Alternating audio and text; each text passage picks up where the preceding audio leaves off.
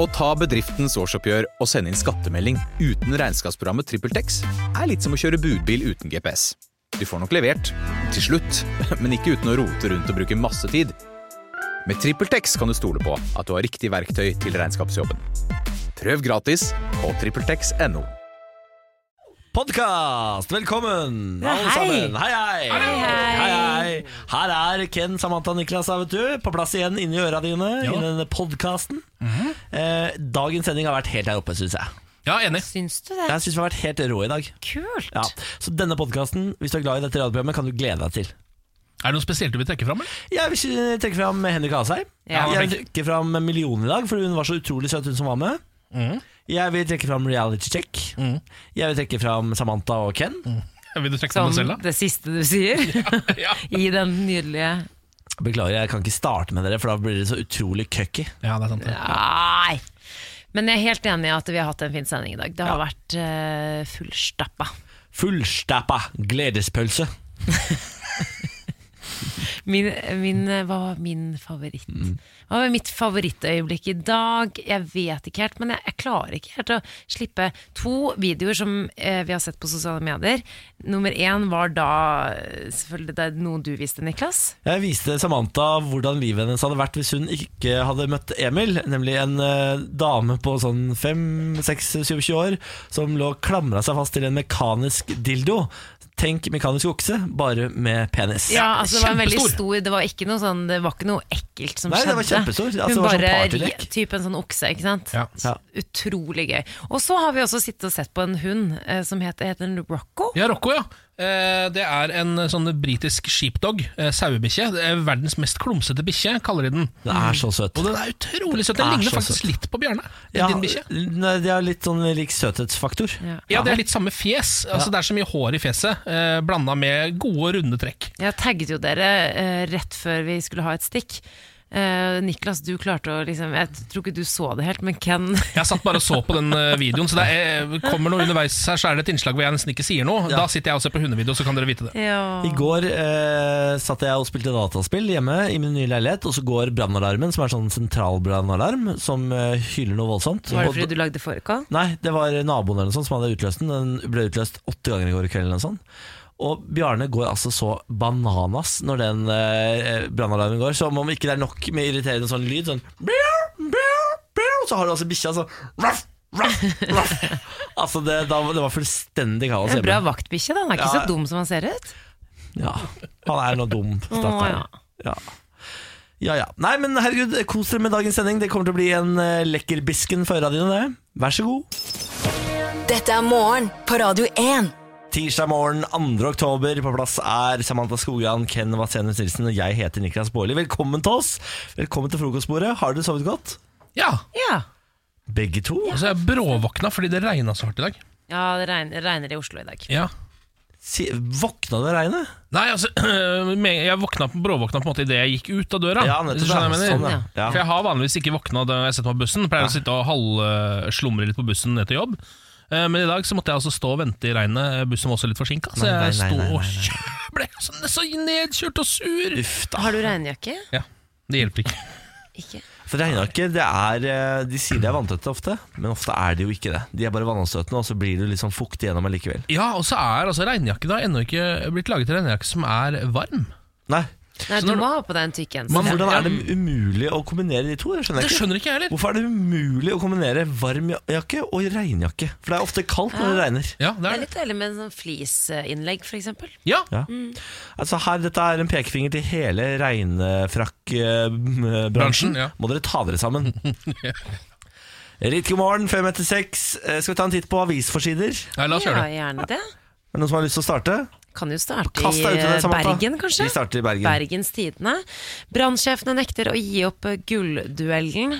Brann eh, har gjort det bra i Eliteserien i år, men eh, tapte mot Tromsø, og nå tror jeg gullkampen ryker, altså. Nei, Handler om det er topp tre nå. Hvem er det som er i gullkampen, egentlig? Det er jo Rosenborg, da. Ja, Og så har du eh, Brann som- Nei, unnskyld meg. eh, Rosenborg som eh, li- leder an. Ja. Men de tapte også en kamp, og da hadde Brann mulighet til å spise opp det forspranget. Ok, Så det er bare Rosenborg og Brann som eh, kjemper? Nei, du har jo altså Molde på tredjeplass òg, da. Ja, nettopp, ja, nettopp. ja. Stavanger Aftenblad i dag, der er det fortsatt kaos rundt disse bomstasjonene som vi har snakket mer om. Eh, nå har jo de blitt eh, satt, eh, eller trådt i kraft, og det hadde en ganske god effekt egentlig. 6577 færre biler i morgenrushet dagen etter at de satte i gang Yes. bomstasjonene. Ah. Og det er jo med en del av de som eh, nå er sabotert. Ja. Så er det enda færre biler kommer det til å være på veiene når de er oppe og går igjen. Du kan lese mer om bompengedramaet i Stavanger Aftenblad på side 6, 7, 8, 9, 10, 12, 14 og 15. Ja. Nei, det er det er det ikke største som humor. har skjedd eh, på en stund eh, borti der, det. Em, og så, hvis vi t- ser litt på Klassekampen, en avis vi veldig sjelden eh, titter på, faktisk. Eh, men nå har de da dette på forsiden sin, ruster opp i Nord-Norge. Og det er da Storbritannia em, og eh, statsminister Theresa May som skal sende 800 soldater årlig til Nord-Norge de neste ti årene, fordi det er planen mot Russland. Å, sier du det? Ja, ikke sant? Nå er det i gang Skal vi nå. få britiske soldater? Eller jeg leste at vi fikk noen amerikanske soldater som kom i går. 600 stykker Vi eller noe sånt. tar vel strengt tatt imot det vi får av soldater, gjør vi ikke det? Jeg tror det var 600 sol- amerikanske soldater som kom til Setermoen i går. Ja. Så welcome to Norway, Ja. Mm. American Welcome. soldiers. We love you. Ja, og Vi er Please fortsatt så protect us. naive at vi tenker ikke at det er ikke krig på trappene selv om det kommer soldater fra hele verden over hit. Det er helt vanlig. Her brenner det ikke. Helt vanlig situasjon her i Norge. Bare slapp helt av, gå inn i leiligheten din og lag deg en solbærtoddy. I hvert fall eh, soldater av internasjonal rang. Det er betryggende. Ja, det er veldig Ja, det var sikkert. Vi har fått en amerikansk base på Værnes også, i Trondheim. Ja. Hello, American soldiers in ja, Værnes. Betryggende, det også. Ja, da. Vært sna- eh, snakk om at du har vært og luska litt rundt i de traktene der. Jeg? Jeg, Trondheim. jeg, jeg var oppe der og hadde opp Grindr jeg, for i håp om å finne en um, American soldier to have sex with. Det var ingen homofile amerikanske soldater på Vel, Grindr der Du oppe. vet jo at det Ikke ikke, synlig, i hvert fall. Ikke du synlig. vet jo at det ikke fins. Det er ikke lov, det. Ja, men don't ask, don't tell. Jeg trodde det var eh, borte igjen. da Å, ja, er det borte igjen? Nå Ja? tror jeg du kan være så homofil du bare vil i militæret. Nei, under Trump? Det kan jeg ikke tenke meg. Jo. Jeg, jeg, men jeg lurer på om han bare fucka opp for eh, de Trans. transkjønnede. Å, Ah, ja. Så hvis du bare er liksom vanlig homo, da får Det, er, du det er lov. plutselig greit? Ja, da er det lov. Ja, ok. Men du kan ikke være en sånn type homo som han syns er vanskelig. Da eh, må du ut av Altså militæret. en åpent homofil mann. ja, nei, Åpen homofil går fint, bare ikke trans. Å, det er det han ikke Ja, liker. Det er det han ikke liker. Av en eller annen merkelig grunn. Riktig god morgen. Vi tar en melding fra Jakob, som er med oss, som har sendt oss en melding på vår Facebook-side allerede. Han skriver 'God morgen'. God morgen, Jakob. Ja, god morgen. Hyggelig at du har valgt å skru oss på. Vi har jo lyst til å høre fra dere som er våkne f- klokka seks. Dere er på en måte mm, kjernen. Dere er stammen. Uten dere så faller dette radioprogrammet sammen. Så send oss gjerne en melding og si at du er våken, så skal vi ta en runde på folk som er våkne med oss. Gå inn på radio1.no på Facebook og send en melding. Morgen på Radio 1. Hverdager fra seks. Jeg ba i stad om meldinger fra de som er våkne nå, fordi de som hører på fra 6 til 7, det er på en måte stammen av programmet. Våre eh, yndlingslyttere. Ja. Fordi de står jo opp like tidlig som oss og hører på. Og gud hjelpe meg, da kommer meldinger. Leif er våken og pendler til Rakkestad og skriver 'God morgen, skogen here I come'. Alexander skriver 'God morgen', ønsker alle en finfin fin tirsdag. Og så er det Petter som skriver God morgen, håper det er finere vær i, eh, håper det er finere vær i Lillesand enn i Oslo. Hilsen Petter og Daniel. Eh, det er det vi som har skrevet det. Det er du som har skrevet det, Bårli. Beklager. Det er vi som har skrevet det. Ja. Ah, Det- vi- De skriver 'God morgen fra Lillesand'. Hilsen Ja. Petter og Daniel. Og så Sånn er er det. Ja. Så har du svart, da. Så har jeg svart. Ja. Eller Det vi, er da. tidlig. Det blir litt forvirrende, Det er da. tidlig om morgenen, hva kan man si. Ja. Det er tidlig om morgenen. Har dere lest eh, VG-avsløringen om selskapet Addiktologiakademiet? Delvis. Ja. delvis. Ja, eh, En tidligere rusmisbruker ved navn Espen Andresen og hans eh, forretningspartner Laila Mjeldheim har de siste seks årene tjent over 30 millioner kroner på å behandle personer med rus, eh, sex eller annen avhengighet. Og Laila Mjeldheim hun begynte først hos eh, Espen Andresen for eh, å bli kvitt sin sexavhengighet. Ehm, og det Ja. Hun ble, så ble hun plutselig en av hennes nærmeste medarbeidere.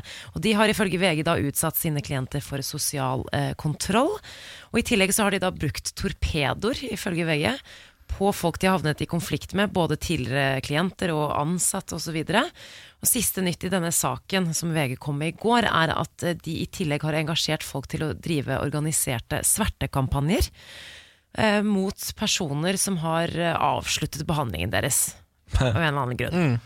Ehm, og tekstmeldinger og e-poster viser da hvordan eh, hun Laila Mjeldheim har eh, på en måte dirigert denne trakasseringen. da. Og En av, eh, en av de mange som har blitt trakassert, er jo den mannen som heter Terje Müller Karlsen. Han var først eh, Andresens klient, og så ble han også da en av hans nærmeste medarbeidere. Fikk nok av hele opplegget etter ti år. Eh, Det likte ikke Espen Andresen og Laila Mjeldheim. Så de eh, presset da seks andre klienter til å komme med ganske eh, rystende anklager mot denne Terje-mannen, som ikke stemte Uff da. og la det ut på nettet og startet en egen underskriftskampanje osv. Og, så videre, og dette er bare ett av flere tilfeller. Ehm, det er helt sjukt at de ikke har blitt tatt ennå. Men hva er det de eh, gjør som er liksom direkte ulovlig? For det, Det er det de har slitt med å finne ut av. Ja, fordi Ja. De, de er liksom alltid sånn i gråsonen, har jeg inntrykk av. Mm. Fordi alt de driver med er jo egentlig litt, eh, litt lov, Ja. og litt ulovlig. Men aldri helt ulovlig, eller ulovlig nok til at du liksom kan dømme dem for noe. Ja, for sterk sosial kontroll er jo helt forkastelig, men det er Mm. jo Absolutt. ikke på en måte straffbart. Nei. Eh, men det, det også VG har snakket med flere juseksperter, da, blant annet Jon Christian Elden og hun Mette Yvonne Larsen, altså flere, flere høytstående advokater, og de mener nå at eh, de kan være strafferettslig ansvarlig. Ja, så nå kan det skje, ja. Ja, eh, men politiet gikk til ut denne uken og sa at de, har, eh, de må egentlig prioritere andre saker. ja. For det er, ikke, det er ikke ille nok. Nei, Åh, men Ah, det det er, der altså, de er har så- tjent over 30 Ja. millioner kroner, så er det på en måte Det her minner om, når du leser den avsløringen, altså det må jeg bare hylle VG for, for de er ekstremt gode på det. Eh, Det er- minner om sånne usunne trekk fra sånne religiøse miljøer, sånn sekt. Veldig. Du har jo hørt om folk som har eh, forlatt en eh, religiøs eh, menighet og blitt eh, skubbet ut i eh, ettertid, Mm. hvor familie og venner og sånn ikke tar kontakt. Sånn sterk sosial kontroll. Dette her minner jo veldig, da. Veldig, Ja. veldig, veldig. Jeg får litt scientologivibber av det. eller Sånn amerikanske tilstander, tenker jeg når jeg leser om hele den s- Ja. sekten der, faktisk. For det er også hvis du forlater scientologikirken, du får ikke forlate frivillig. Det Nei. er alltid noe trøbbel etterpå. Ja, og så er det veldig ofte, liksom Inngangen er veldig ofte sexavhengighet i alle Ja. disse veldig rart. religionene. her Jeg, jeg bodde jo i nærheten av hun eh, Mjeldheim en god stund, eh, og kan informere om at hun kjører en Bentley. Som alltid står eh, parkert med fire-fem eh, parkeringsbøter. Men det har hun jo lov til. Ja ja, selvfølgelig. Det er lov, det. Det er, Og bare, råd til. Mm. det er utrolig dyr måte å parkere på. Er det Ja. ikke bedre å bare kjøpe parkeringsbevis? Lurer jeg på. Ja. Eh, Et lite tips, det er mitt kanskje. tips fra meg til Mjeldheim, da. Eh, jeg har i går vært helt rå på kjøkkenet. Lagde fårikål. Jeg så det. Det Lagde så helt fårikål til nydelig ut. meg og kjæresten. Ah, sesongens rett. sesongens rett, men jeg gikk helt bananas og lagde en kinavri.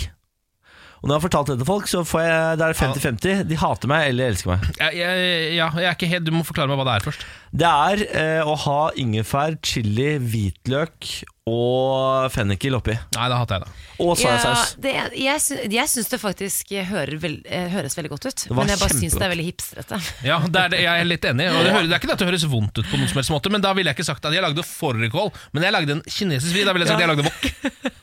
Det er ikke Og wok! jeg testet en fra Østerrike eller Ja. Belgia, og det var også veldig god. Det er ikke wok. Jeg, altså, jeg fant denne oppskriften av Trond Moi, eh, som er eh, Trond Moi, tror jeg det uttales. Det er en video fra 2000-tallet! det, er ikke- det er ikke hipstrete i det hele tatt. Men, ja, men jeg har aldri hørt om det, så det må være hipstrete. Nei, altså, Google fårikål på tur til Kina. Det er det den heter. Fårikål Det var litt koselig. Ok, Det var ikke så, det var ikke så hipstrete. Men igjen, ing- ingrediensene hørtes jo helt, det hørtes jo helt Du, fantastisk det ut. er helt nydelig, fordi fårikål i seg selv er jo kjempegodt. Ja. Men fårikål i det du får litt spice i det og litt smak i det, så er det helt fantastisk. Altså, eh, Du tar nesten like mye soyasaus som du tar vann nesten og koker opp.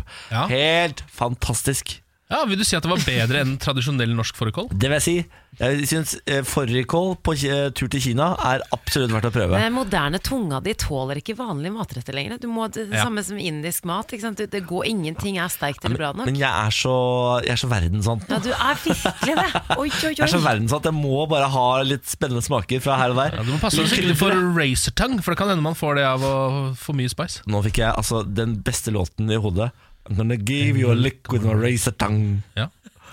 No, Husker I du den won't som var da? never stop. No, I won't shut up. Nei, Det er nok en låt som tilhører, Vi tilhører. skal finne den. Ja, vi til, skal- vi skal spille Altså, litt av den Niklas er før like nyhetene. gammel som meg, så Morgen på Radio 1. God morgen og god tirsdag. Uken er godt i gang. Jeg håper at din har startet på best mulig måte. At du har vunnet i Lotto, eller i det minste i hvert fall blitt onkel.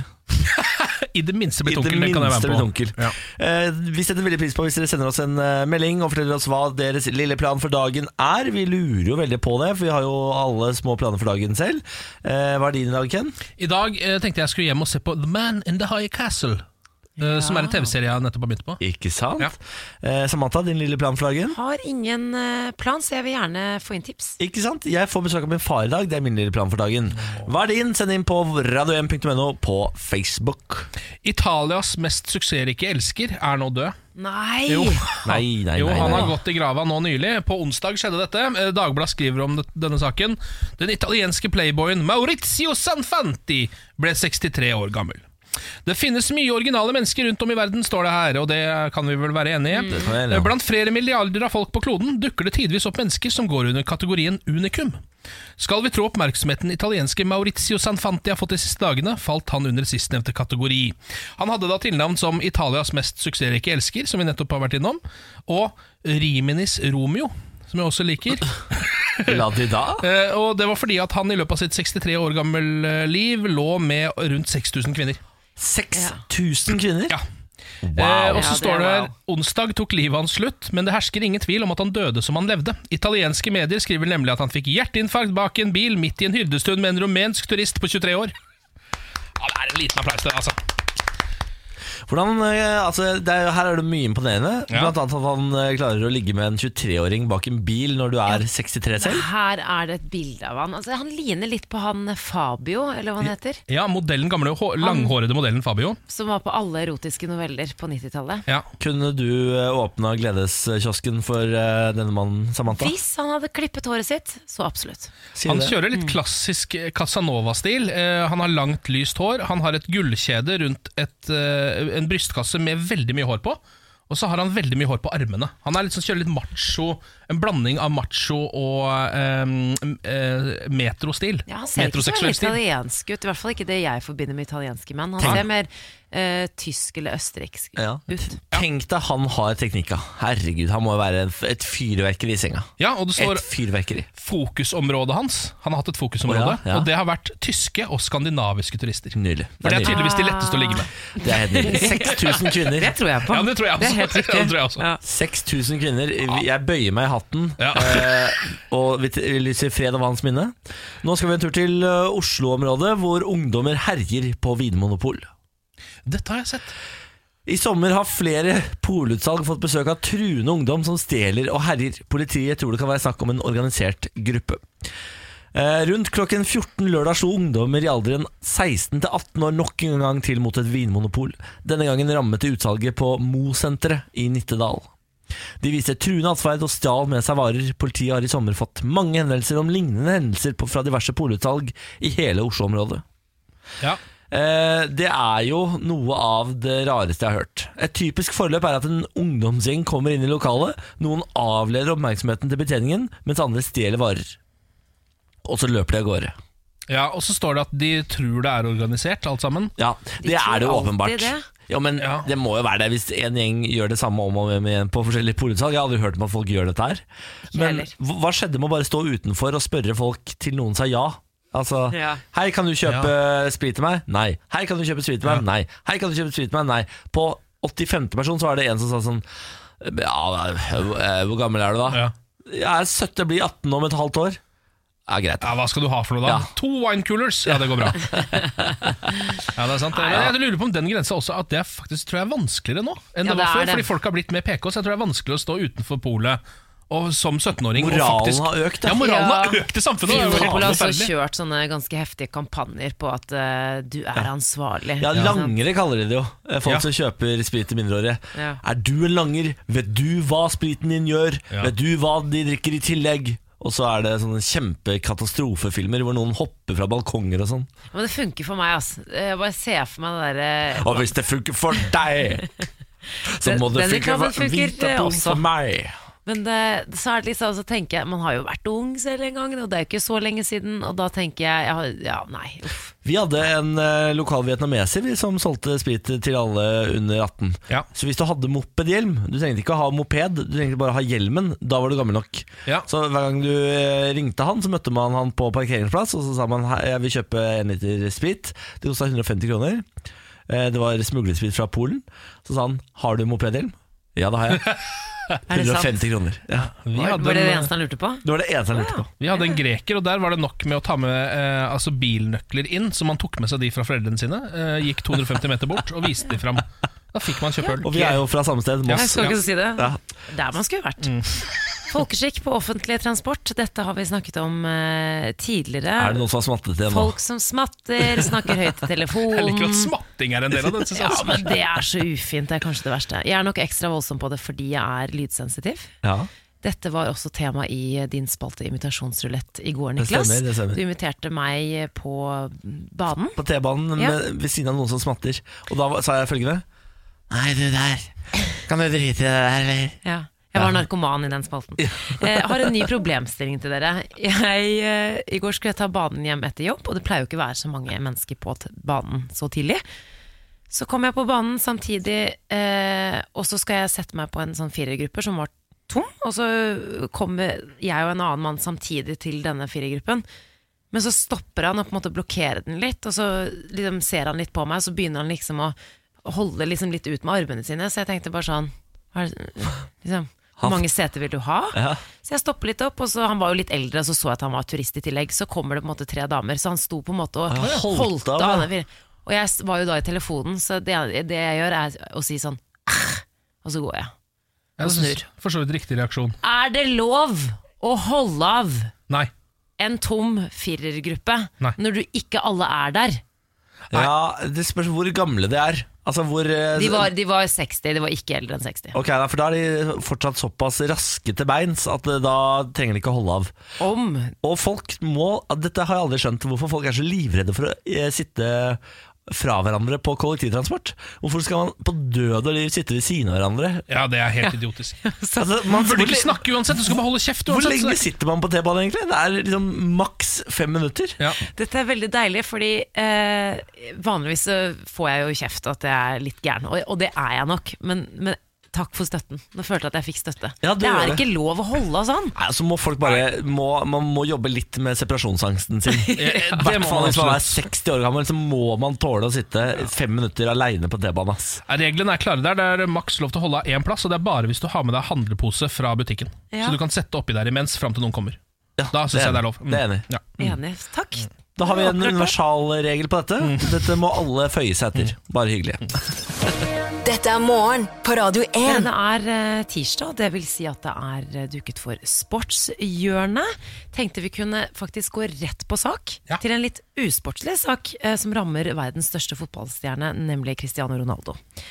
Politiet har nå startet en gransking av en voldtektssak der Ronaldo er eh, anklaget. Politiet i Las Vegas i USA har gjenopptatt en etterforskning av eh, denne saken fra 2009, hvor den amerikanske eksmodellen Catherine Majorga hevder hun ble voldtatt av Ronaldo etter et besøk på en nattklubb.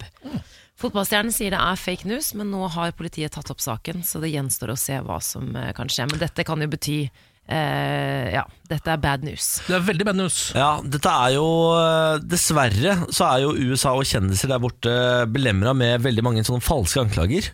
Så Ja, det er jeg, sant, jeg det. sliter med å liksom ta stilling til det før eh, etterforskningen eventuelt har kommet godt i gang. Fordi det, er jo, det kommer jo altså så utrolig mange sånn 'Du er faren til mitt barn', så viser det seg Mm. at de aldri møttes. Eller 'Du har voldtatt meg', og så har de aldri vært i Men sånne samme by. artister, for eksempel Drake er jo midt oppi en sak nå, Mm. med, med en eh, eksmodell som har anklaget han for eh, voldtekt osv. Men det som er så vanskelig, at det er, det er vanskelig å si det også. at Det er kjipt fordi at man er modell. For eksempel Stormy Daniels. Hun hadde jo rett Ja. Mm. mot Donald Trump, så man vet jo aldri. Men dette er altså ikke bra for eh, altså Er han firebarnsfar, da? Ja, det er Noe vel sånn, sånt det han nå? er blitt, har ja. jo både Herregud, er det så mange? Ja, ja, han har det, fått det sånn begynner sånn. å bli en del nå. Eh, Så må vi d- over til en dessverre også en litt dårlig nyhet for Nora Mørk. For hennes drøm om EM-spill med eh, Norge i desember er knust. Hun var på vei tilbake nå etter en korsbåndsoperasjon i februar. Har jobbet eh, ekstremt hardt i et halvt år for å komme med til EM i Frankrike nå i desember.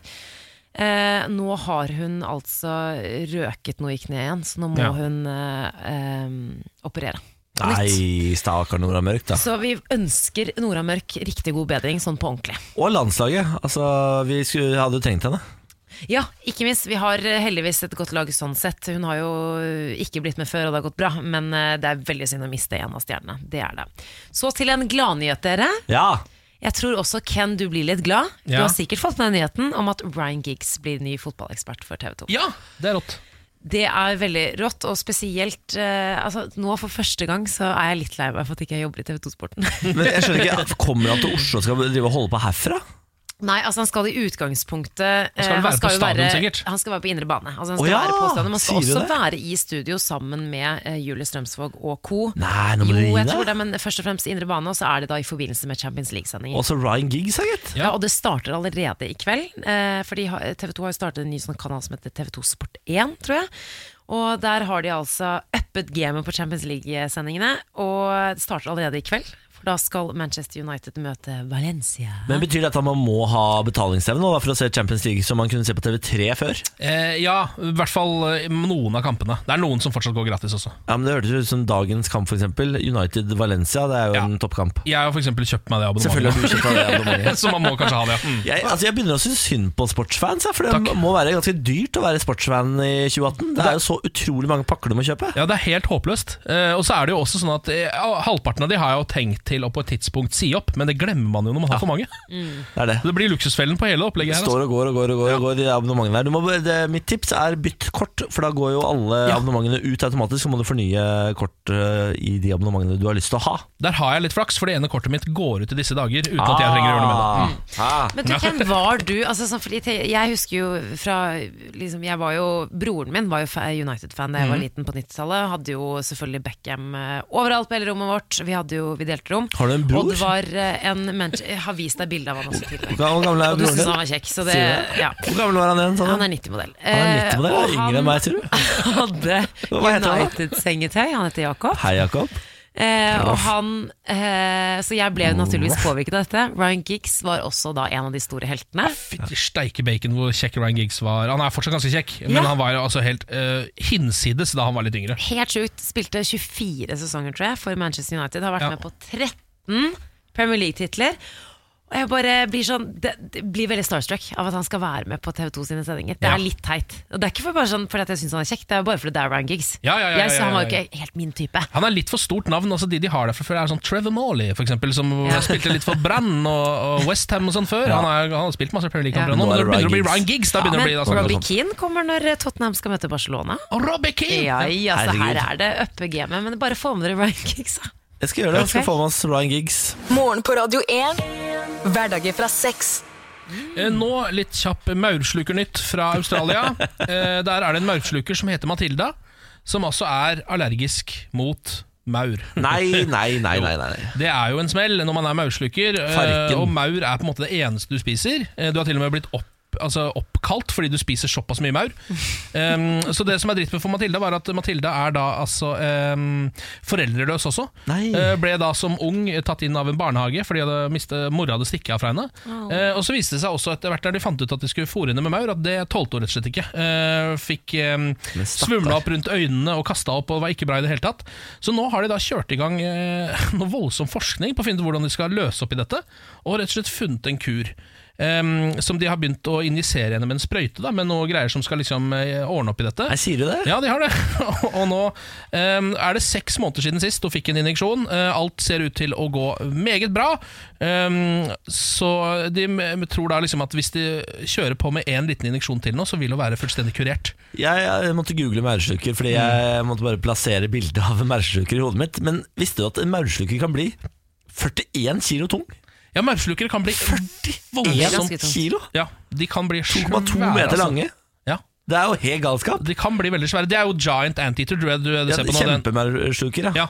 Eh, Dette her er en såkalt spiny anteater, er denne, så jeg tror den er litt mindre. Ja vel. Um, men det står her at inntil videre så skal Matilda da bo eh, i det lille huset sitt i nærheten av der hvor, parken, eh, der hvor man kommer inn i parken. Ja. Eh, sammen med Snoopy, som er en 34 år gammel maursluker, og en koala som heter Emily. En 34 år gammel maursluker? Altså, de blir 40 kilo eh, tunge, og de, hvor, hvor gamle kan de bli? Ja, jeg vet, det vet jeg Og, faktisk ikke. Herregud. altså, på internett står det at de blir liksom opp til 16 år, så det her er jo altså, verdens eldste maursluker. Ja, da 34 år gamle Snoopy er jo en eldgammel maurslukker, da. Herregud, for Eh, en men- historie! Men jeg liker det veldig godt at de kan bli så gamle, for da tenker jeg liksom at eh, da, er det, da synes jeg det er liksom enda m- greiere at man bruker såpass mye ressurser på å finne én kur til én maurslukker som har Absolutt. eh, maurallergi. Jeg, jeg har jo nå altså, Jeg har alltid drømt om dovendyr som mitt eh, liksom, kosedyr, men jeg begynner å helle mot maursluker her nå. Jeg er helt enig. Det hadde vært En koselig. da. 40 kilo tung, 2,2 meter lang maursluker. Tenk deg, Det er litt koselig når du liksom eh, har en liten godbit i hånda, den kommer bort med den lange maurslukersnuta si. Ja, For den er lang, den Ja, ja. sluttslutt, da. Altså, Og tar opp godbiten. Kanskje du skal vurdere det, Niklas. Sånn, hunder lever jo ikke så altfor lenge. Men Bjarne er, begynner jo å bli en voksen mann. Han, han er jo en, eh, snart åtte år, Bjarne. Så når han liksom legger på røret, da er det maurslukertid. Ja, det er det. Det skal det bli. Herregud. Ja. Potet, eh, potetgulltrøbbel for posten i Storbritannia. Nei, men Jeg tenkte at dette var viktig å ta med. Det høres sånn ut. Ja. Fortell mer. Dette er altså en, eh, en internettkampanje mot potetgullprodusenten Walkers. Eh, Walkers de produserer ca. 11 millioner poser potetgull per dag. Per dag? Per dag. Wow. Eh, og dette er da miljøaktivister som har startet en kampanje hvor de altså sender eh, post. Altså de sender tomme potetgullposer til hverandre og bare til folk rundt omkring for å skape forsinkelser i posten i Storbritannia. Og dette gjør de da for å få oppmerksomhet, selvfølgelig. Fordi at de vil at eh, For disse eh, potetgullposene de er nemlig ikke resirkulerbare. Ah, Så, eh, og britiske forbrukere bruker, eh, eller kjøper 6 milliarder poser potetgull. I, Er de så eh, glad i løpet av et potetgull år. der de borte? spiser så mye crisps. Crisps. Spesielt på bar, eh, og veldig ofte eh, med vinegar. Ja, som ikke er sant? For det er, favoritten. sånn, det er jo både altså fish, fish and chips, det er jo potet eh, Altså det er jo pommes frites. Ja. Men eh, crisps, det er nesten It's up there Ja. med fish and chips og øl. jeg visste ikke at, de var, at det var eh, en britisk greie å være så glad i potetgull. Jo, de har de små posene som de kjøper istedenfor sånn chilinøtter og sånn på bar. Da, når vi, Ja, ja. nettopp, ja. Sier du det, ja. Så nå har de altså prøvd å få Walker til å bruke litt mer miljøvennlig eh, plast i posene, og det har de faktisk gått med på. Men eh, de mener at det, er, eh, alt, altså at det kommer til å ta altfor lang tid at de skal ha plastfrie potetgullposer innen 2025. Men det, aktivistene syns ikke det er bra nok, Men s- så de fortsetter å sende tomme potetgullposer til hverandre. Se på Sørlandschips, da. Ta på eh, pappposer, sånn som de er. Ja. De er jo vel ikke plast. Nei, de sørlands... Nei, nei, det er jo Sørlandschips ikke har det. jo det er løst de sånn greiene. aluminium inni. Papp er ikke plastbolig. Papp er ikke plast. Det kan du ta med deg videre i livet. Vi skal en liten tur til Skavlan, eh, fordi de, han har jo gått over til TV 2, og seertallene er ikke like gode som de var på NRK. Og det gir jo mediebyråene mulighet til å eh, leve. Ja. Mediebyråene er jo kanskje det dummeste som finnes i verden. Fordi det de driver med, det er å bli ringt opp av NRK og VG og sånn, og så skal de kommentere på seertall. Eh, så- og de gir alltid helt sånn opplagte svar. Eh, For eksempel er det nå TV-direktør i mediebyrået Group M, Glenn Engebrigtsen, som får lov til å uttale seg om Skavlan-seertallene. Han skriver jeg tipper at estimatet på Skavlan lå mye høyere enn disse seertallene. Ja, det er jo Mm. revolusjonerende Det er jo- tanker. Han sier også Jeg tror ikke nødvendigvis at det går i pluss for Skavlan akkurat nå. Fordi ja, man selger jo reklame på dette, ikke sant? Og så videre, og så videre, og så videre. Og så får han lov til å uttale seg, dette mener jeg er det beste sitatet hans. Jeg tror det skal veldig mye til før man tar av Skavlan. Jeg tror også programmet har nådd bunnen nå. Det er en skummel påstand, men jeg tør å si det, Oi. sier Engebrigtsen til NRK. Jeg har fått en sitatmaskin her, da. Ja, i hvert det fall. er for en sitatmaskin. Jeg mener at vi skal gi honnør til mediebyråene som tør å legge hodet sitt på hoggestabben på denne måten her. Ja. Være der ute, være litt sånn fremoverlent, helt framme i skoa, mene ting om TV-bransjen. Ja. Si helt åpenbare ting som f.eks. at 300 000 ikke er nok seere for Skavlan. Det er selvfølgelig revolusjonerende for alle der ute. Når Engebrigtsen får lov til å uttale dette til NRK, da blir folk bare Da blåst av banen! Hva er det du sier, eh, man Engebrigtsen? trenger Er det ikke nok? ikke å ringe de, for du kan egentlig også bare ringe John Skogran, min bestefar. For han har uttalt seg om dette på Facebook-profilen sin. Han har Ah, det. Hva Og sier han? John Skogran han skriver følgende Skavlan eller Lindmo, to like programmer som består av å intervjue personer med en liten musikksnutt som avslutning. Mm. Hvem av dem som vinner, avhenger av hvem som hanker inn det mest interessante intervjuobjektet, for min del. That's all. Ikke sant? Men her må du jo ringe bestefar og så må du si hva er det du driver med? Dette her kan du ta tusenvis av kroner for. Du må starte mediebyrå. Du kan ikke gi fra deg disse tipsene og rådene. Og Gratis. signal- sitatene. Offentlig innlegg. Gratis! Ah. Ja, ja. Helt teit. Altså, NRK tørster jo etter disse sitatene. Jeg vet det, helt teit. Ja. Nei, du må ringe bestefar og få Jeg skal slutt på det der ASAP Rocky. Morgen på Radio 1. God morgen, god morgen, Samantha. God morgen. God morgen, Ken. Morgen, morgen. Og god morgen, Maria. God morgen! God morgen. Hvordan står det til med unge Maria i dag? Det går veldig fint med meg. Ja, Så godt å høre. Vi hadde et inngangsspørsmål til Radio 1-millionen i dag som låt eh, som følger. Hva heter Norges største fylke i areal? Ja, og Hva svarte du da?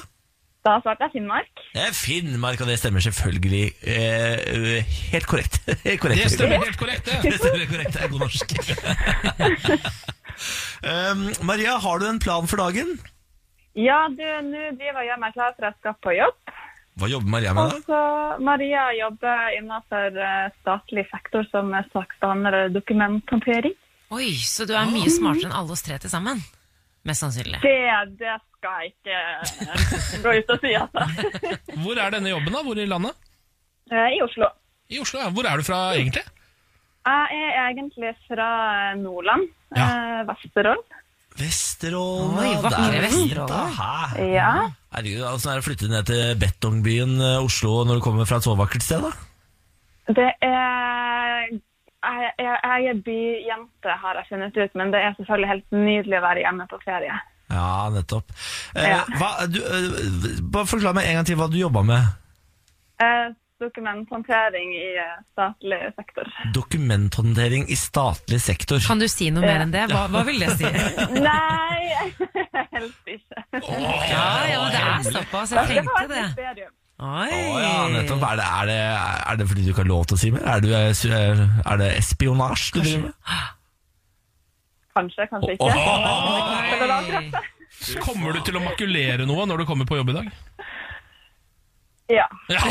Oi, oi, Folk oi. som makulerer. Ja, da vet du at det er noe. Søren. Fy faen, Maria med rett til å makulere. Mm. Fy faen. Men du, Marie, hvis du hadde vunnet én million kroner, hva har du lyst til å bruke pengene på? Da hadde det nok gått eh, til leilighet. Ja, det er jo snusfornuftig. Altså, ja. eh, Maria, skal vi prøve å vinne en million, eller? Ja, kan vi. Vi gjør det. Morgen på Radio 1 og supremecard.no presenterer Radio 1-million. premien du er født til å vinne.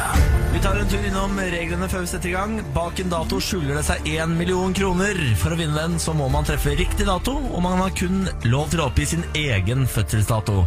Er det forstått, Maria? Ja. Da kjører vi! Vi begynner å spørre om hvilken måned Maria er født i. Oktober. Oktober. Og hvilken dag i oktober er du født, da? 8. 08. 08. Ok, og hvilket år? 1993. 10.08.1993 er det det som skal låse opp hvelvet til radioen. 93, ja. Ja, 93, ja. Ja, ja. Uff.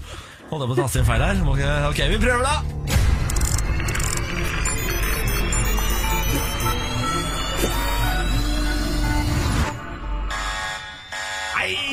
Nei! Fader. Altså, hva, k- ja, nå må den jo sitte snart. Ja, det var litt tenker jeg. irriterende, det der. Men Maria, det ble ikke 1 Ja. million kroner, men ingen går jo tomhendt fra Radio 1 million. Nei. Nå har vi fått inn et lykkehjul i studio Mm. her, hvor det er trøstepremier på. Det er 10 000, 1000 og kopp. Skal vi Mhm. Ja. snurre lykke, lykkehjulet? Ja. Da kjører vi.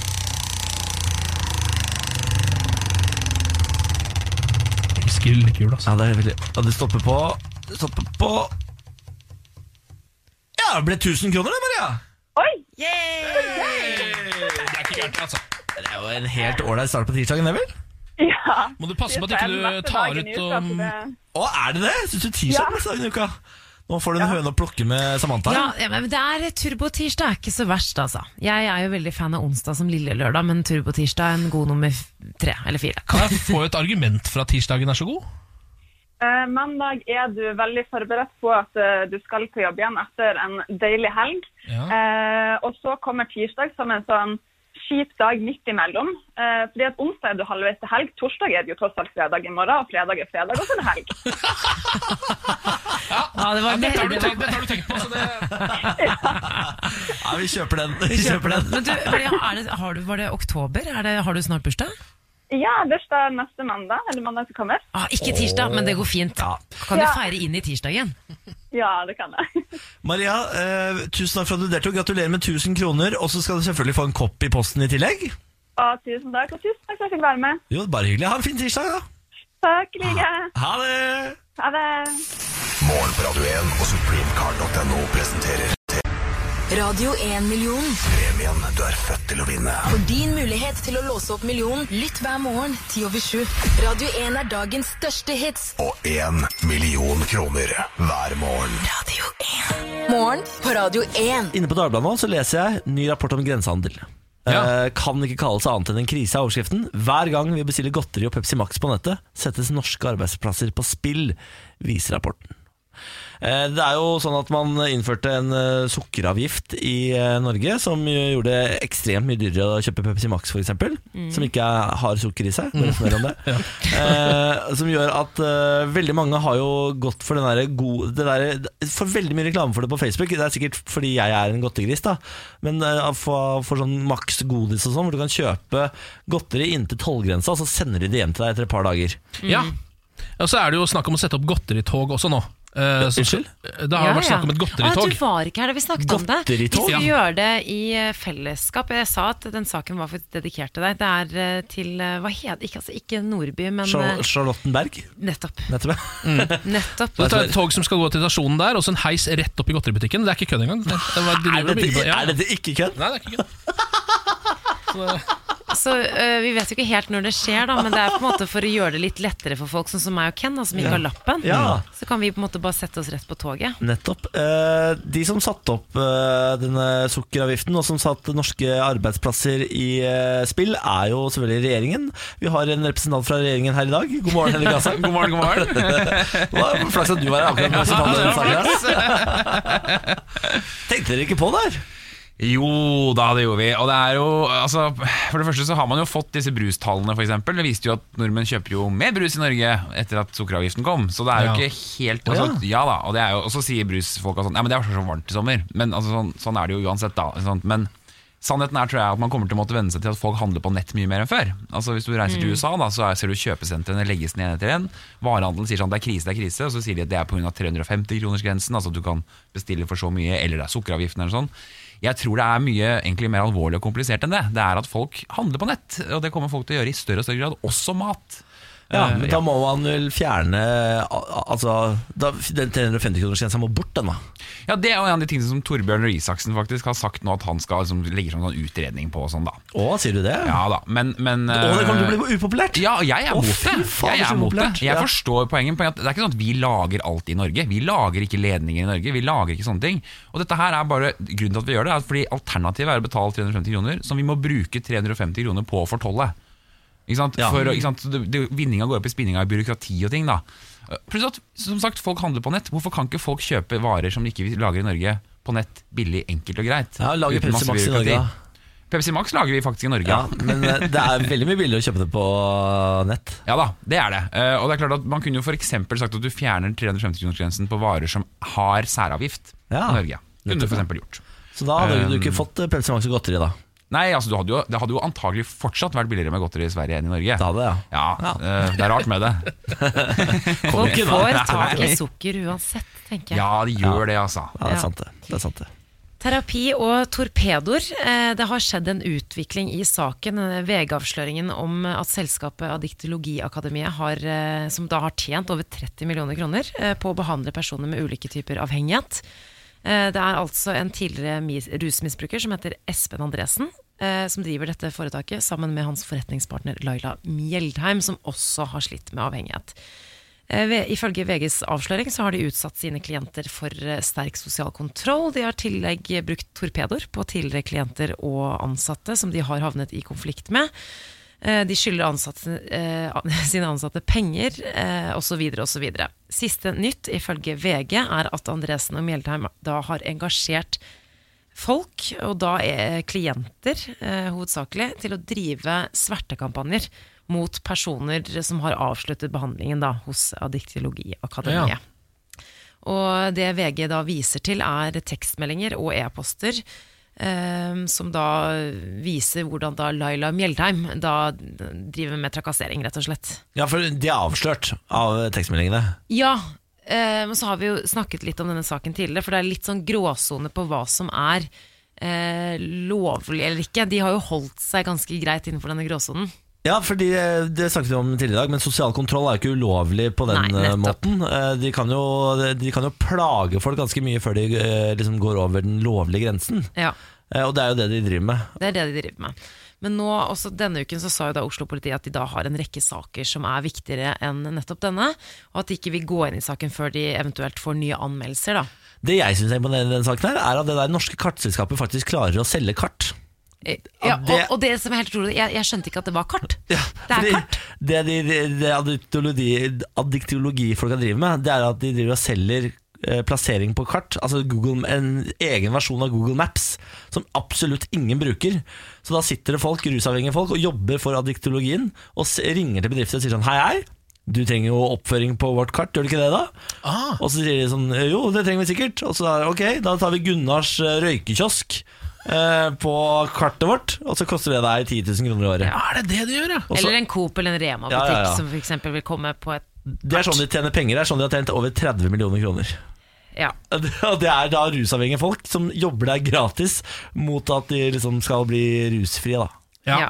Eh, men jeg vil bare, altså det, er, det her høres jo sånn, veldig sånn, som vi var inne på i stad, litt sånn amerikansk fenomen ut for meg. eh, Sånne type For det er nesten som en religiøs bevegelse, Ja da. men så er det på en måte noe annet inni der òg. Og da er det gjerne noe sånn, for eksempel noe terapeutisk, noe eh, at noen har vært avhengige. Så de er for- faktisk også da bokstavelig talt avhengige av denne lille, rare bevegelsen.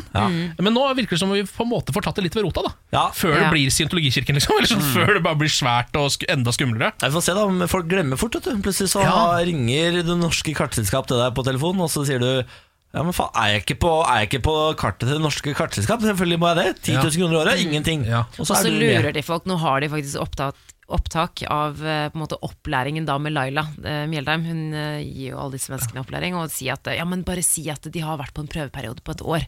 Og at De liksom bare fortsetter. De driver jo og lurer folk, og nå mener jo både Jon Christian Elden og Mette Yvonne Larsen og alle disse høytstående advokatene at de, politiet bør starte sin egen etterforskning basert på bare det. Har du fått med deg dette, Henrik? Nei. Henrik Asheim, eh, Vi har Henrik Asheim her. beklager. Vår stortingspolitiker. Han er her hver tirsdag. Har du ikke fått med deg den saken her? Nei, dette Den har jeg ikke fått altså med meg i det så hele spennende. VG er veldig gode på sånne avsløringer. Denne må du bare lese. Høres helt hårreisende ut. Ja. Ja. De har intervjuet mange, de har, eh, så det fins jo bare uendelige historier fra folk som har vært der i over ti år og bare blir trak trakassert. Og med en gang de slutter Altså, folk har brukt Jeg tror det var et, eh, et par som slet med rusavhengighet, som hadde brukt over 700 000 kroner Ja. på et par år. Ja. Eh, Les alt om dette i VG. Eh, Det er verdt å ta seg tid til å lese. Det er en sånn long read, men fy fader, så eh, bra den er. Ja, det er det. Veldig, veldig bra. Dette er morgen på Radio 1. Henrik Asheim, vår faste huspolitiker, god morgen. God morgen. Vi skal inn i kaoset, eh, KrF-kaoset. På fredag ga partileder Knut Arild Hareide uttrykk for at han rådet partiet til å vurdere et samarbeid med Arbeiderpartiet, Senterpartiet, uten SV, og derfor skape et historisk linjeskift i KrF. Det betyr i så tilfelle at eh, regjeringen faller. Ja. Og må gå. Eh, nå er det altså kaos internt i KrF, fordi eh, Grunnfjellet vil ikke, eh, nestlederne til Knut Arild vil ikke. Ingen vil egentlig, bortsett fra Knut Arild Hareide. Hvordan havna KrF i det dilemmaet de er i nå? De, det begynte egentlig allerede i 2013, da de borgerlige vant valget. For da, sa KrF, da gikk KrF også til valg på en borgerlig regjering. Og så Erna Mm. er statsminister, osv. Og så forhandlet alle de fire, og så klarte ikke de å bli enige om en regjering. Så ble bare Høyre og Frp. Og så ble KrF og Venstre sittende på vippen i Stortinget. Og det var greit. Og så vant jo de fire borgerlige partiene valget igjen i 2017, og da sa Venstre vippeposisjon er så sykt kjedelig, Ja. så de gikk inn i regjering. Og det var da- fordi de holdt på å forsvinne.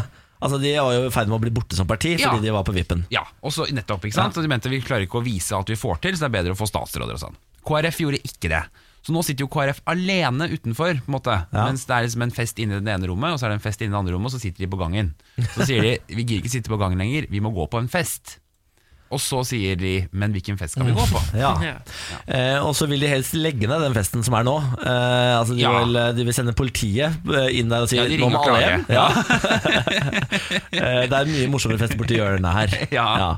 Eh, hvor stor sannsynlighet vil du anslå at det er for at det er Jonas Gahr Støre som holder nyttårstalen i år? Vet du, og Sannsynlighetsberegning dette nå er helt umulig. Altså, det, er en, det er en følelse når man sitter for et annet parti nå, en sånn avmaktsfølelse. Fordi nå foregår det et eller annet inni et parti som det er vanskelig å forstå fra før. Tror jeg ganske mange som ikke stemmer KrF, forstår KrF. Mm. Og nå skal de ha prosesser inni partiet sitt i en måned Mm. for å finne ut hva de skal mene. Så eh, akkurat nå vil jeg si 50-50. Det er Altså, 50-50. Ja, altså, jeg tror nok flertallet akkurat nå er på høyresiden i KrF. Men eh, fire uker med Hareide som skal fyke rundt og argumentere og sånn, umulig å si hvor de er. Ja, ikke sant? Da så jo han på pressekonferansen på fredag, da sto han jo og talte for alle sakene eh, som KrF er for, som bare Frp er helt motsatt Mm. for, altså sammenlignet av sakene.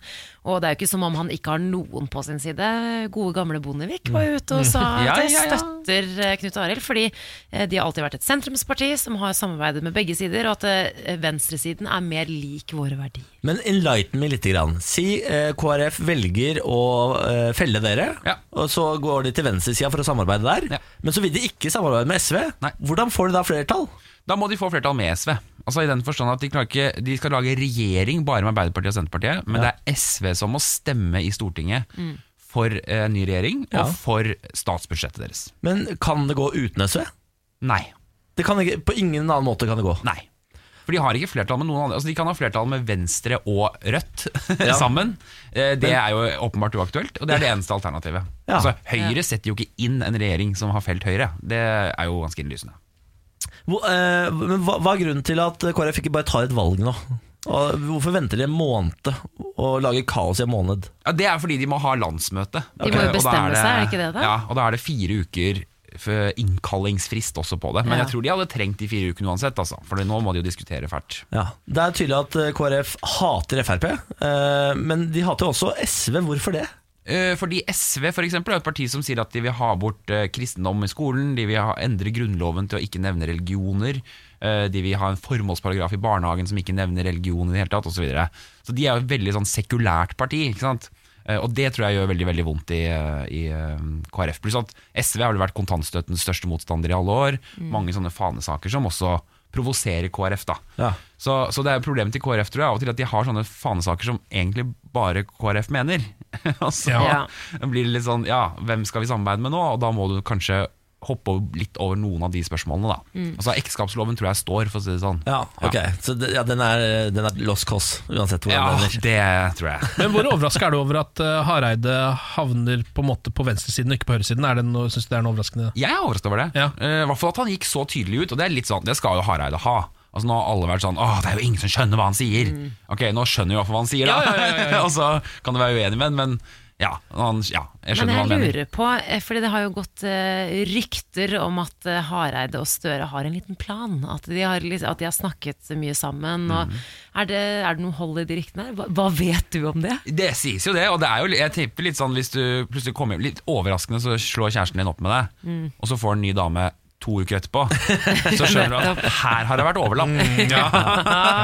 Du møtte ikke henne etter at det ble slutt med Nei. oss. Nei. Sånn at, eh, så det føler vi jo nok litt at det har vært en form for utroskap, ja. Oi, Å ja, sier du Ja, det? ja, ja, ja, ja. Så de det har drevet var og jo- spuna han og Jonas. De har spuna, Fy ikke sant? Så fader. er det ikke sikkert at de har liksom gjort noe godt lenger, eller noe sånt, Nei. men de har jo åpenbart data. Men da. er det lov å drive og date da, når du er i et annet forhold? Nei, jeg føler ikke det egentlig, ass. Nei. Så i hvert fall er det viktig å si fra i så fall. Men eh, for, fortell meg, hvis eh, det nå ender med at KrF eh, har disse fire ukene hvor de samtaler, samtaler, samtaler, og så ender det med at de eh, fortsetter å støtte eh, høyresida, Ja.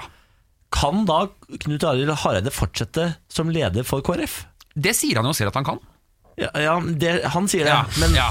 eh, hvis du skal se på dette som en politisk kjenner, er, er det mulig for han å fortsette?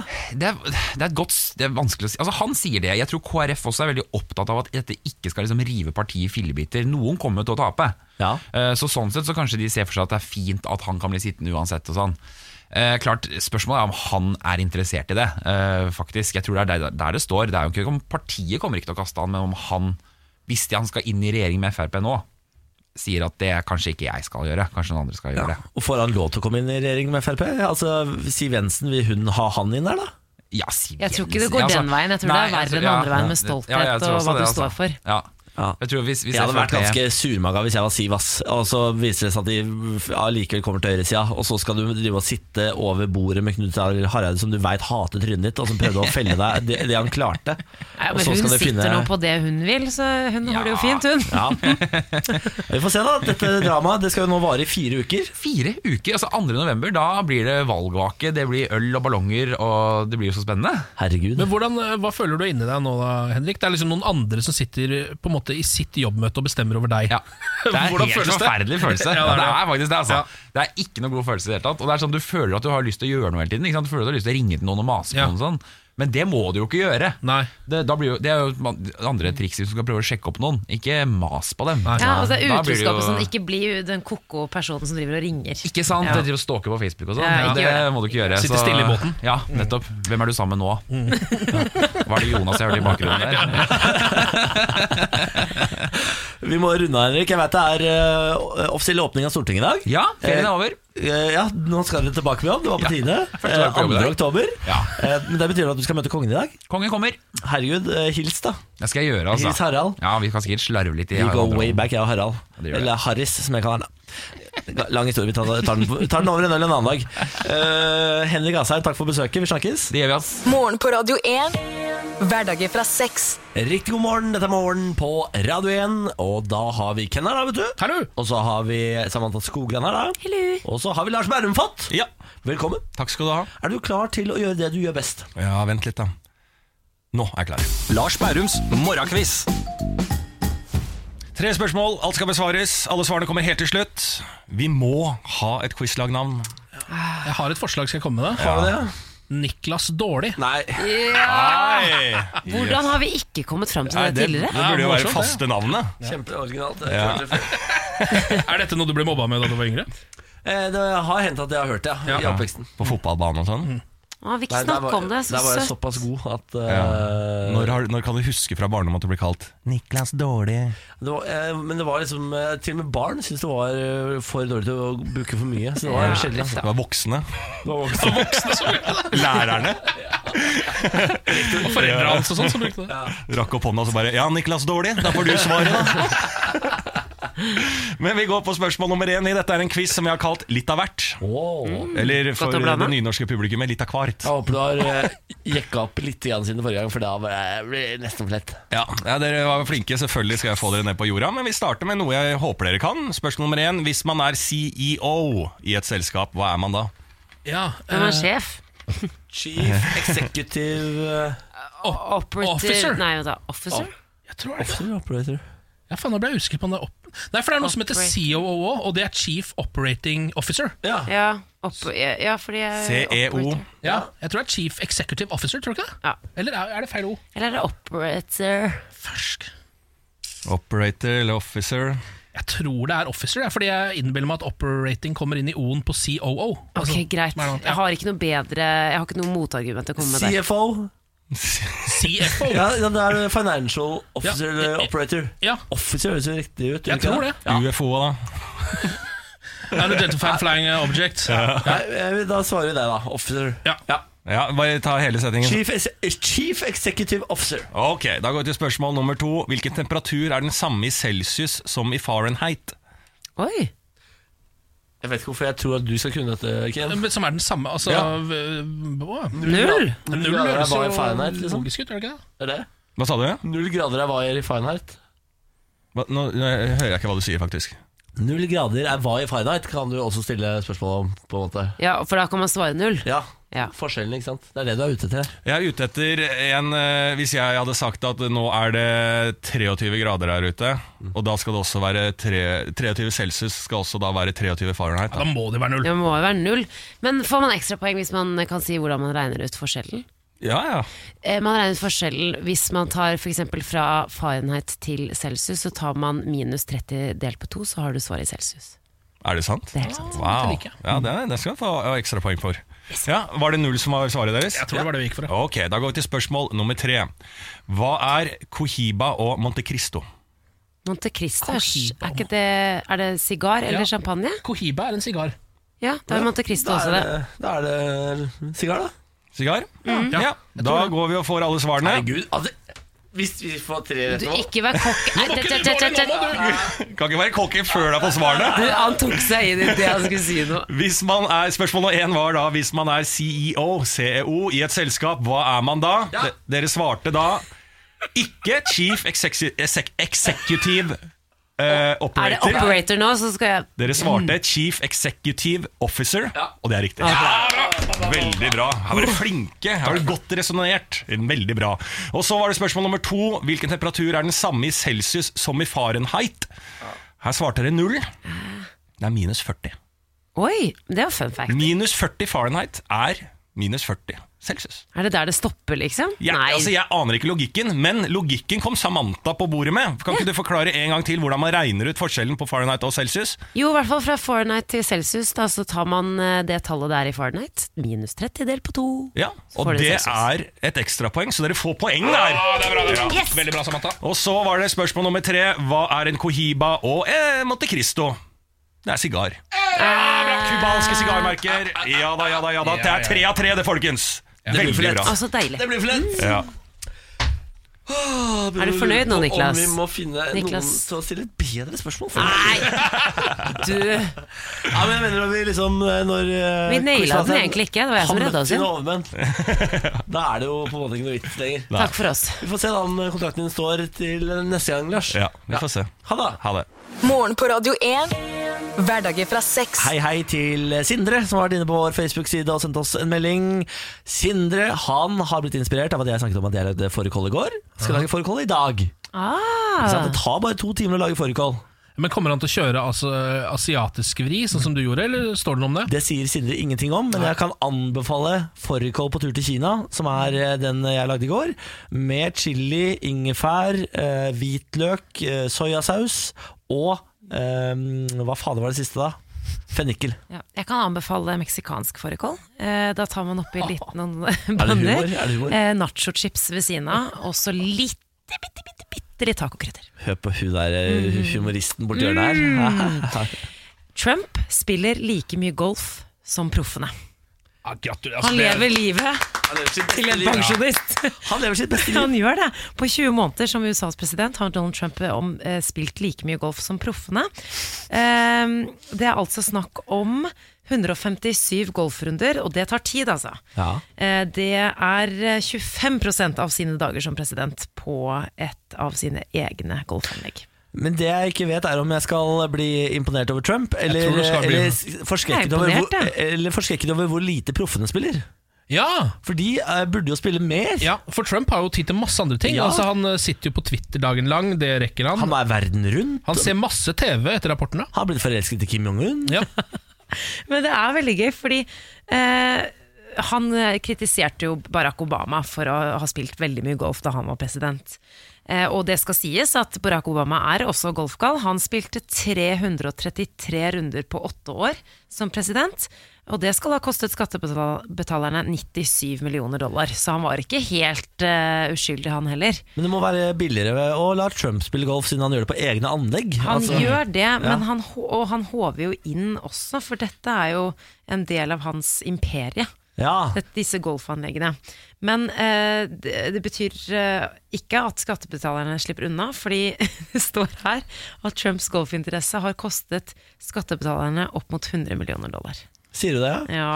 Men eh, kommer det noe fram om han er noe god? Fordi altså, faren til Kim Jong-un, Kim Jong-il, eh, han slo jo hole in one hver eneste gang han spilte golf. Hvis du tror på det Ifølge, statlige ifølge nyhetsbyrået. rapportene Ja. derfra. Eh, Ifølge hun nordkoreanskes eh, nyhetsanker, Ja. ja. hun som s- rapporterer alle nyheter i landet. ja, Ja. eh, Har det kommet noe ut om Trump? Er han, han burde jo være jæsla god hvis han spiller så mye.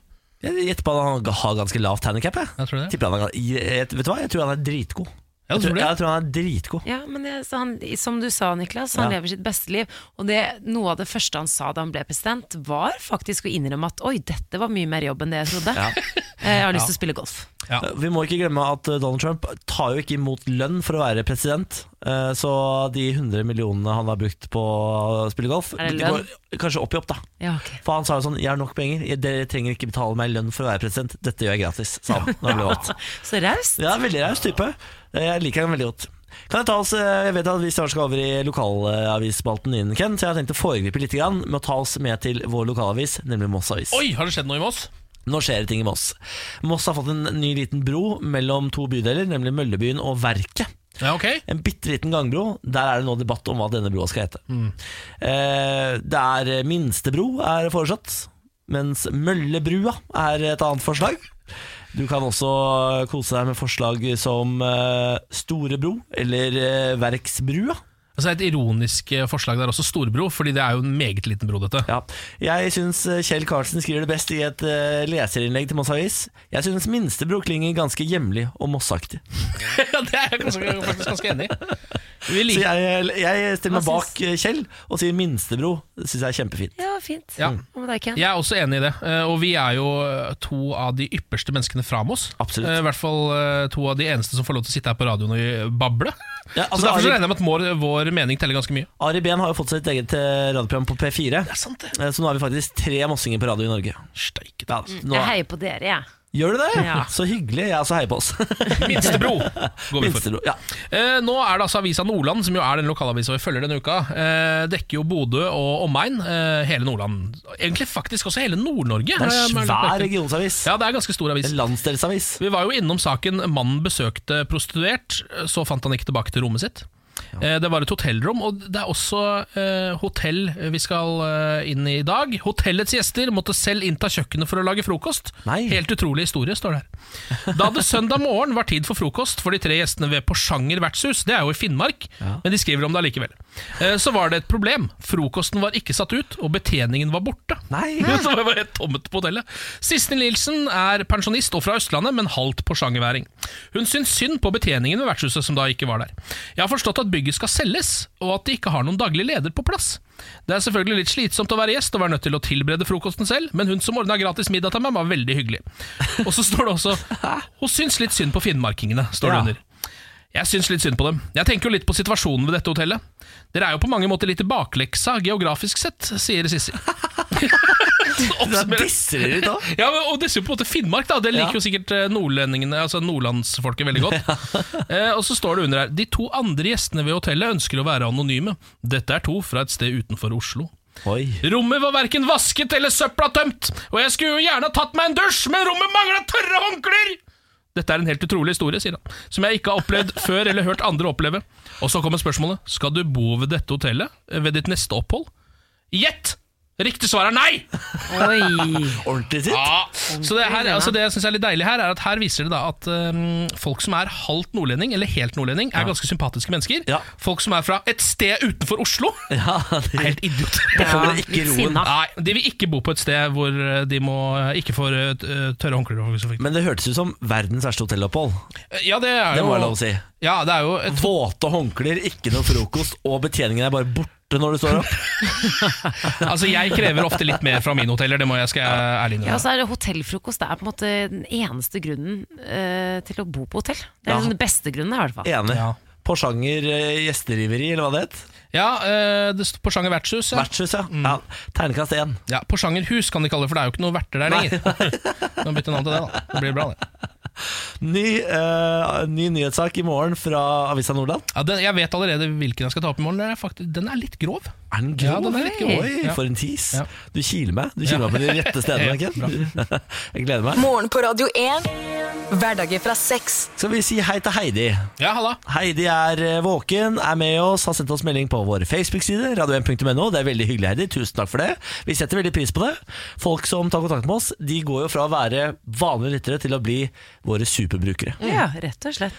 Eh, og vi blir ekstra glad i dere. Vi får et eh, varmt forhold til dere. og Jeg kommer til å huske på dere til den dagen jeg dør. Altså, Man må passe på at ikke det skal bli for mye her også. Ja, det er sant det. det, er sant det. Skal vi sette i gang med reality check, eller? Ja, det, altså Begge dere har jo eh, vært med i reality-programmer. 71 grader nord, for eksempel. For eksempel Masterchef. Mm, Master- Firestjerners middag. Ja, der ser du. Eh, jeg har ikke vært med på noen ting. Vi prøver å finne et konsept som kan passe til min litt bedagelige livsstil, eh, i spalten Reality check. Og som Ronny går ut av huset. Anette føler seg sikkert ikke noe jævlig høy i hatten.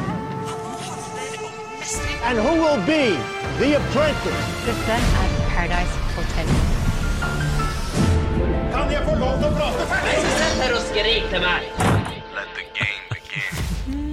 Ja, Da er det bare å la spillet begynne. eh, Og i dag skal vi snakke om eh, reality-serien som hadde denne kjenningsmelodien. Ja, Litt sånn deilig jazz. Eh, Denne her gikk på TV3 fra 2000 til 2001 og het Baren. Altså, jeg husker det så godt. Ja, Dere husker dette konseptet? Jeg husker det så godt, jeg elska det. Det var da en gjeng unge mennesker som var samla sammen eh, for å drive en bar og leve av de inntektene i ca. tre måneder. Og så bodde de vel i andre etasjen? Ja, de bodde i etasjen over. Eh, og så eh, var det sånn at de måtte etter hvert hver uke så måtte de i stolen. Da var det da én som på en måte eh, fikk minst stemmer av de andre deltakerne. Ja. Og så den som fikk flest, kunne velge hvem den andre i stolen skulle være. Og så ble en av de to stemt ut. Skjønner du? Barstolen, ja. i barstolen. Ah, nettopp, ja. Jeg tror det var det de tenkte på. Ehm, det ble jo i Norge spøkefullt kalt for Robinson på bar. Eh, og hadde jo altså, sterke øyeblikk som gjorde sterke inntrykk, som f.eks. dette.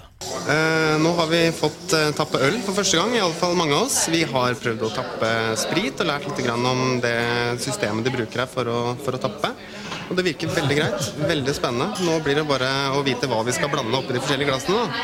Så Her er da deltaker fra første sesong, Tom, Tom Erik, eh, som forklarer litt av eh, utfordringene de har da, når de bl.a. skal blande drinker på denne baren. husker denne baren veldig godt. Lå i Karl Johans gate i Ja. Oslo. Ja. Og jeg husker, eh, jeg var jo bare 11-12 år gammel, så jeg kunne jo egentlig ikke komme inn på en bar.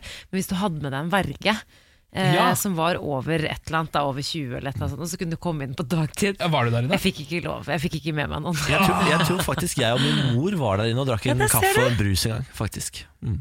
Eh, premien var på første sesong på 250 000, og i andre sesong på 1 million.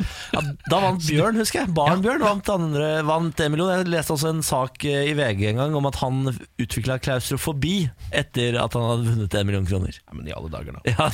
Eh, ok, men hva, da må vi gå gjennom dette Da har jeg jo satt opp en slags sjekkliste, reality-sjekkliste Mm. Ja. eh, For å finne ut om dette kan passe for meg 1 til 10 er måten vi graderer det på Hvor fysisk behagelig vil dere si at det er å være med i barn? Å danke rundt der, Ja. ganske behagelig. Altså, Du må jo kanskje stå litt, da. Man må Det er det stå eneste jeg kan komme på. Jeg tror, ja. men jeg tror det er eh, overraskende slitsomt det, er faktisk å drive og eh, jobbe i bar, fordi du må høre på andres fylla ræl hele tiden. Ja. Hver eneste kveld. Ja, det går inn på det psykiske ja. Ja, ja, jeg er ikke- ja, eller det er fordi jeg holder litt kjeft Eh, Jeg er ikke så god lytter egentlig Inni meg så raser jeg Jeg ser for meg deg som en sånn bedagelig pubeier, men kanskje litt mer sånn britisk stil, hvor det er sånn Ja. ruller inn én og to. Den baren i Karl Johans gate tror jeg er ganske heftig. Ja.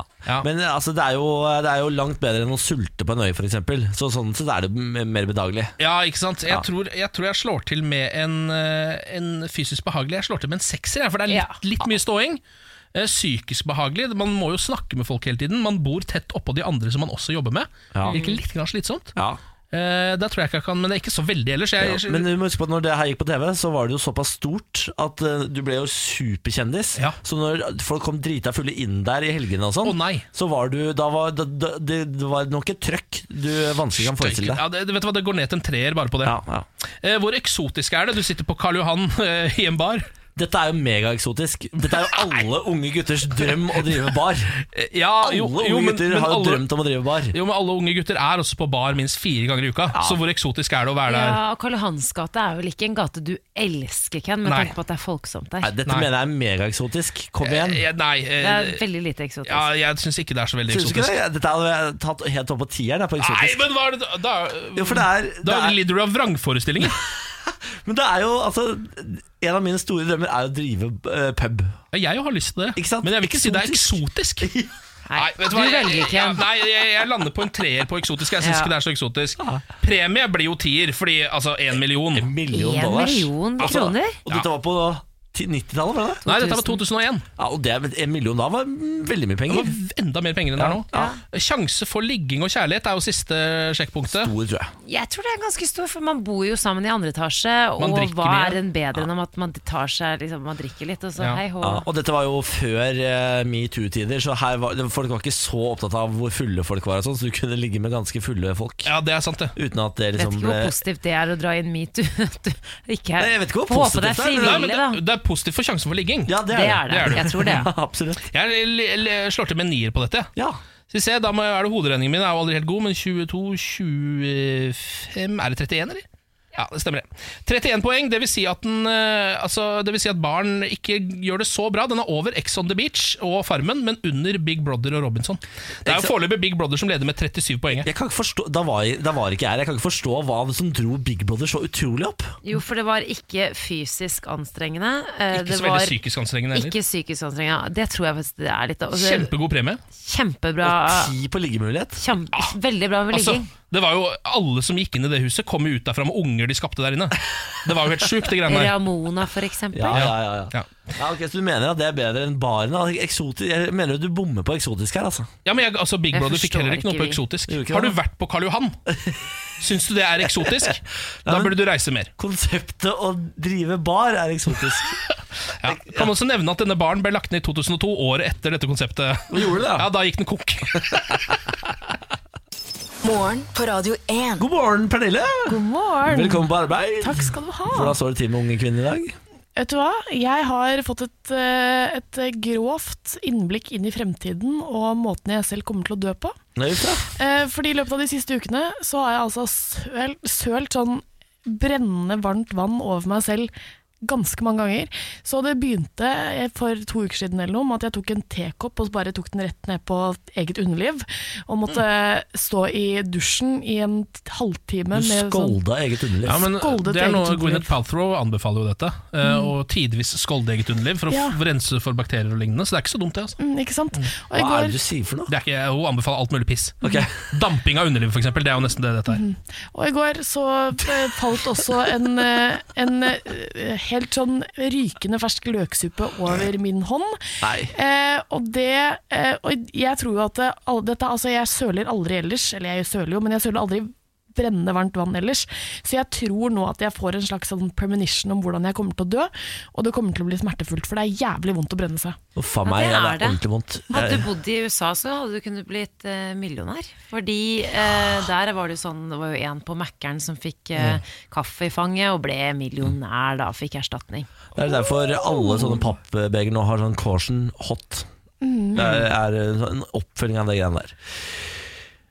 Pernille, I går så fikk du oppdrag om å gå ut på gata og ordne oss og alle der ute eh, gode TV-tips. Litt serietips, ja. Ja, Skal vi høre hva folk anbefaler? Yes. gammel med Game of Thrones. Game of Thrones. Eh, Godt spørsmål, Friends. Ja, nå spør du vanskelig. Skal vi se.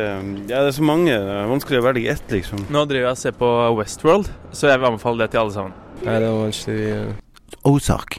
Netflix. Tja, jeg liker eh, spenning, sci-fi, action.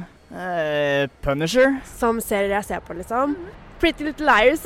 Mindhunter. det handler om eh, en sånn politimann på 60-tallet som eh, prøver å få altså den mentaliteten i politiet om at eh, det finnes eh, sånn psykotiske mennesker som ikke følger typisk sånn motivmønster da, for drap. Mindhunter er kjempebra tips. Ja, det er det. Men jeg må si eh, Game of Thrones, Westworld, det, det holder ikke som tips. Nei, nei, jeg er helt det, enig. det, det her må folk eh, ta selvkritikk, for det er ikke godt nok. Altså Det som er at folk eh, undervurderer mine serietitteregenskaper hvis de tror at jeg ikke har sett alle disse seriene.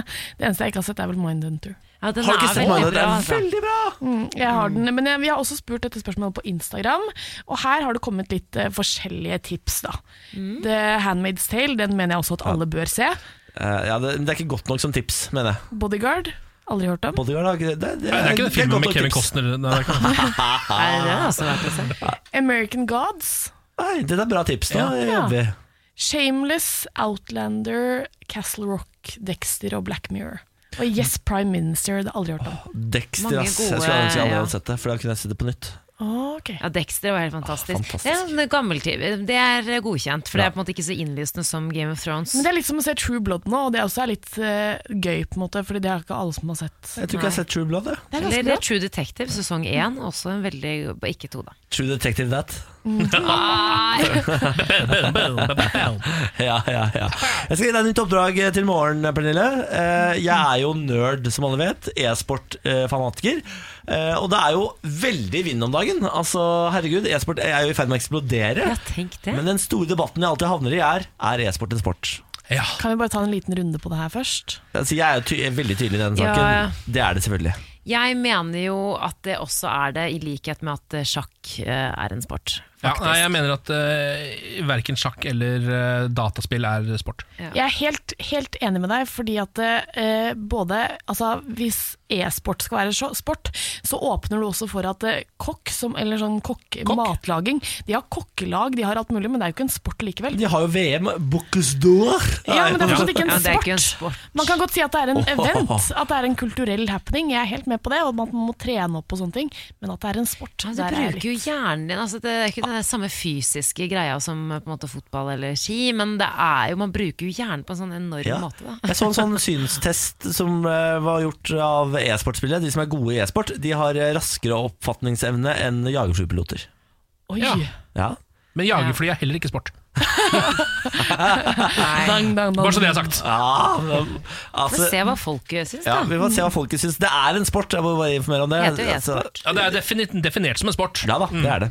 Eh, Og det skal kanskje bli en OL-gren til og med, så her er det bare å holde på Og det blir hatten. kjedelig å se på. Åh. Neida.